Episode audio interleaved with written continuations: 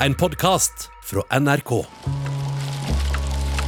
Vi er i Sverige, og ei lita jente på åtte år kommer syklende. Men inni et skogholt blir hun overfalt og voldtatt. Hele Sverige er rysta, og så klart redde for barna sine. Og selv om denne gjerningsmannen etterlater seg DNA-spor, klarer ikke politiet å løse saken. For året er 1995, og metodene er ikke det de er i dag. Først nå, ved hjelp av en ny norsk oppfinnelse, har svenskene klart å komme til bunns i det som skjedde. Så hva er da grunnen til at norsk politi ikke bruker denne oppfinnelsen?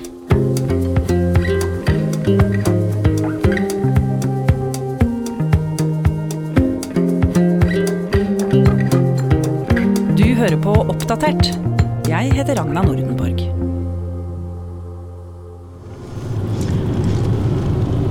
Her oppifra kommer denne sykkelbanen.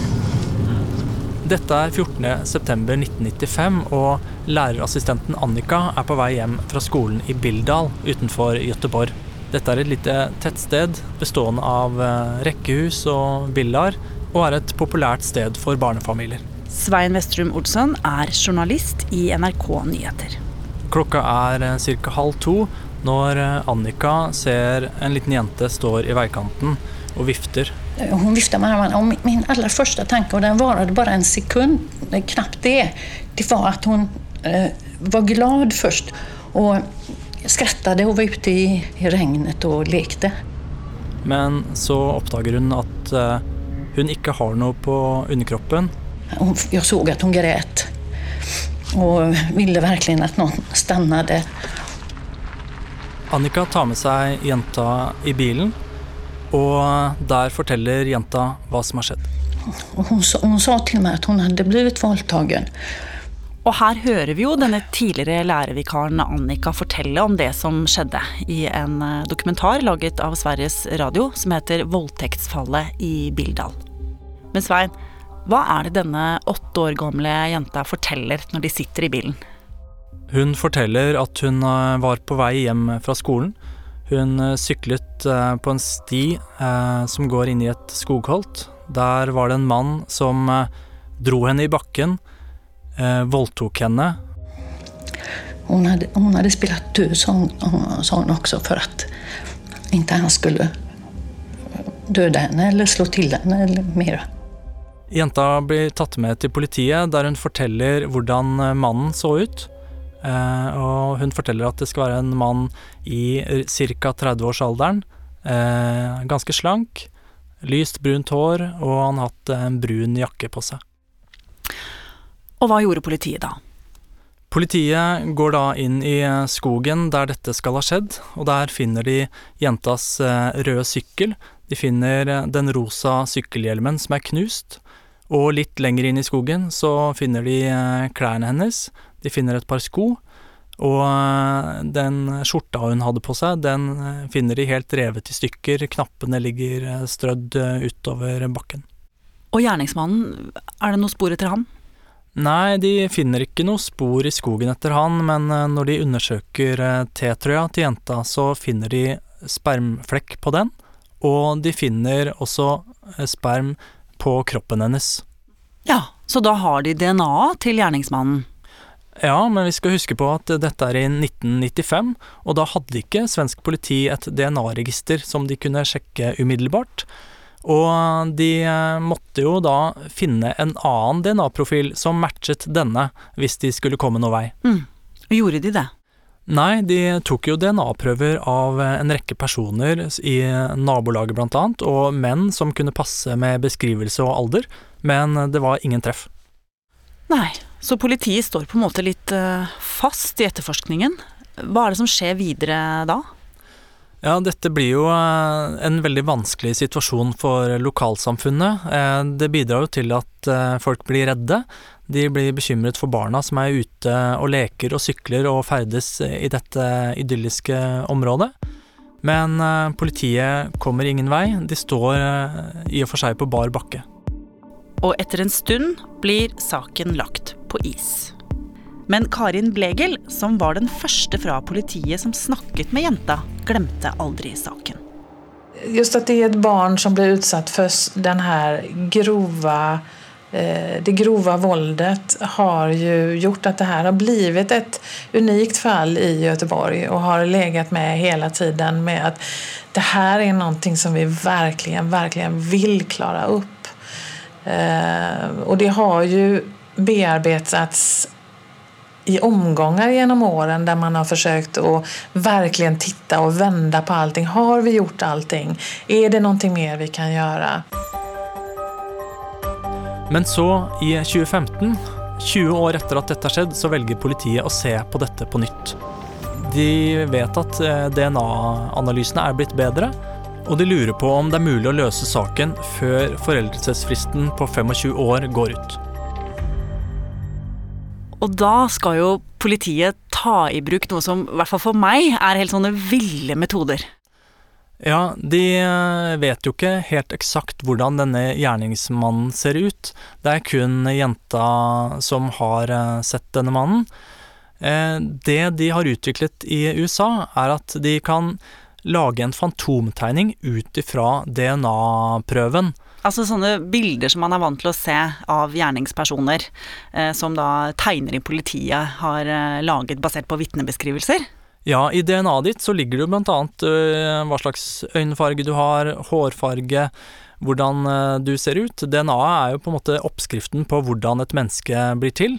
Så ved, ved, ganske spesielle analyseverktøy som er helt nye, så kan de lage bilder av hvordan en person ser ut, ut ifra et DNA-spor. Wow!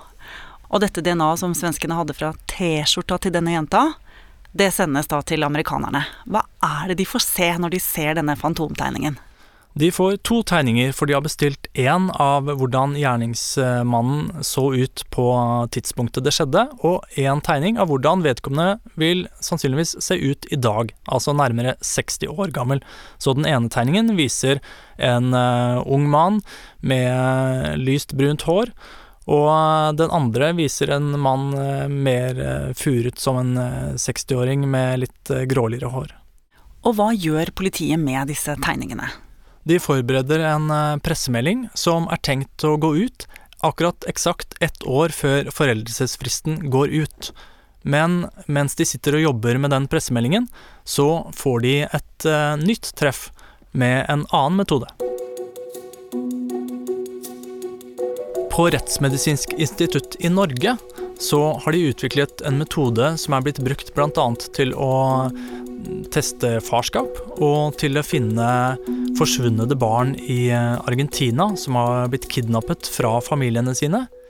Og det dette verktøyet gjør, er at det sammenligner to DNA-prøver og ser er det sannsynlig at disse er i familie.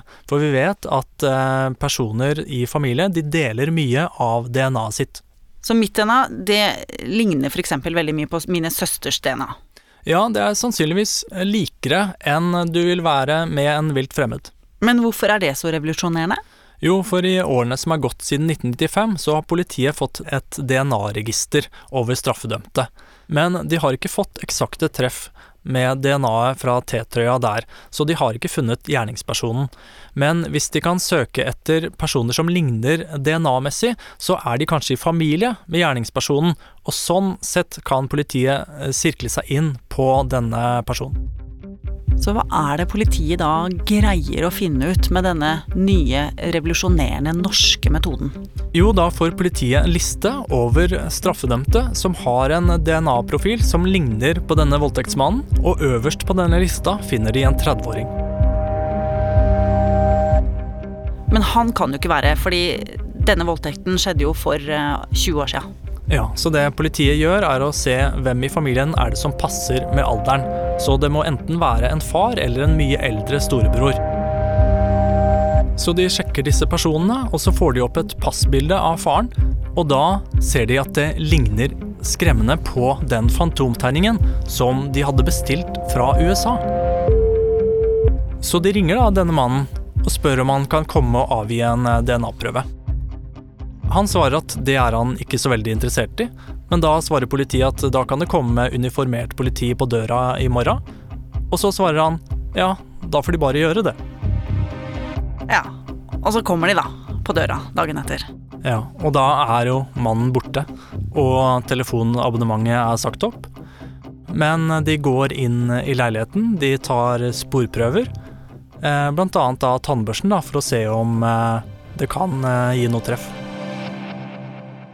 Og etter noen dager så blir jo denne mannen pågrepet. Han hadde ikke kommet seg ut av Sverige engang.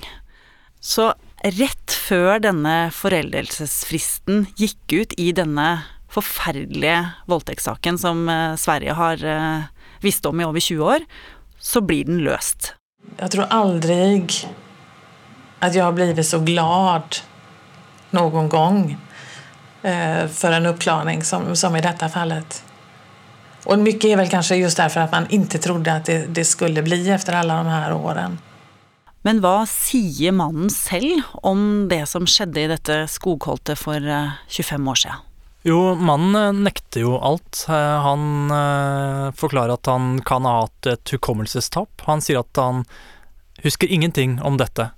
Men politiet har jo da dette DNA-sporet fra T-trøya til jenta.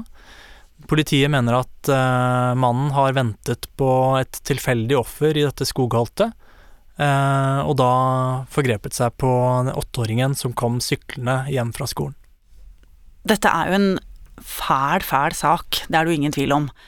Men samtidig så er det jo veldig flott at denne DNA-teknologien gjør det mulig for politiet å løse saker enklere. Ja, du kan jo tenke deg f.eks. i Lørenskog-saken, forsvinningen der, så har både NRK og VG skrevet om DNA-profil på åstedet. Det kan være en ukjent gjerningsperson som har lagt igjen det DNA-et. Det har ikke vist seg å gi noe treff foreløpig. Ved et sånt utvidet søk så har man en større mulighet til å finne vedkommende. Så da skulle man jo kanskje tro at det bare var å sette i gang og bruke denne teknologien. Men så enkelt er det ikke. Nei, i Norge så har ikke politiet mulighet til det med dagens lovverk. Det var jo en lovendring i Sverige ved inngangen til 2019 som åpnet for denne metoden. Inntil da var det jo ikke lov, heller der. Ja, Så når kommer det til Norge, da? Det er jo tross alt en norsk oppfinnelse? Det kommer jo helt an på hva politikerne mener, og flertallet på Stortinget har inntil nå ikke ønsket noen sånn utvidelse av DNA-registeret. Det betyr jo at mange flere ville være søkbare, og du kunne jo tenke deg at hvis man Det beste for politiet ville vært at hele Norge var søkbart med DNA, men det er det ingen politikere som har tatt til orde for. Men det er jo ikke snakk om hele Norges befolkning, dette her. Det er jo bare snakk om at man kan finne slektninger til folk som er straffedømte fra før av. Hva er det som er så gærent med det, da? Ja, det betyr at uh, folk som har en kriminell i uh, familien, vil være lettere å spore opp enn andre personer. Uh, så høres det kanskje greit ut fordi man skal avdekke noe kriminelt, men så vil jo andre si at det vil være diskriminering. Så selv om denne metoden kan være fin, så må nok norsk politi klare seg uten dette enn så lenge.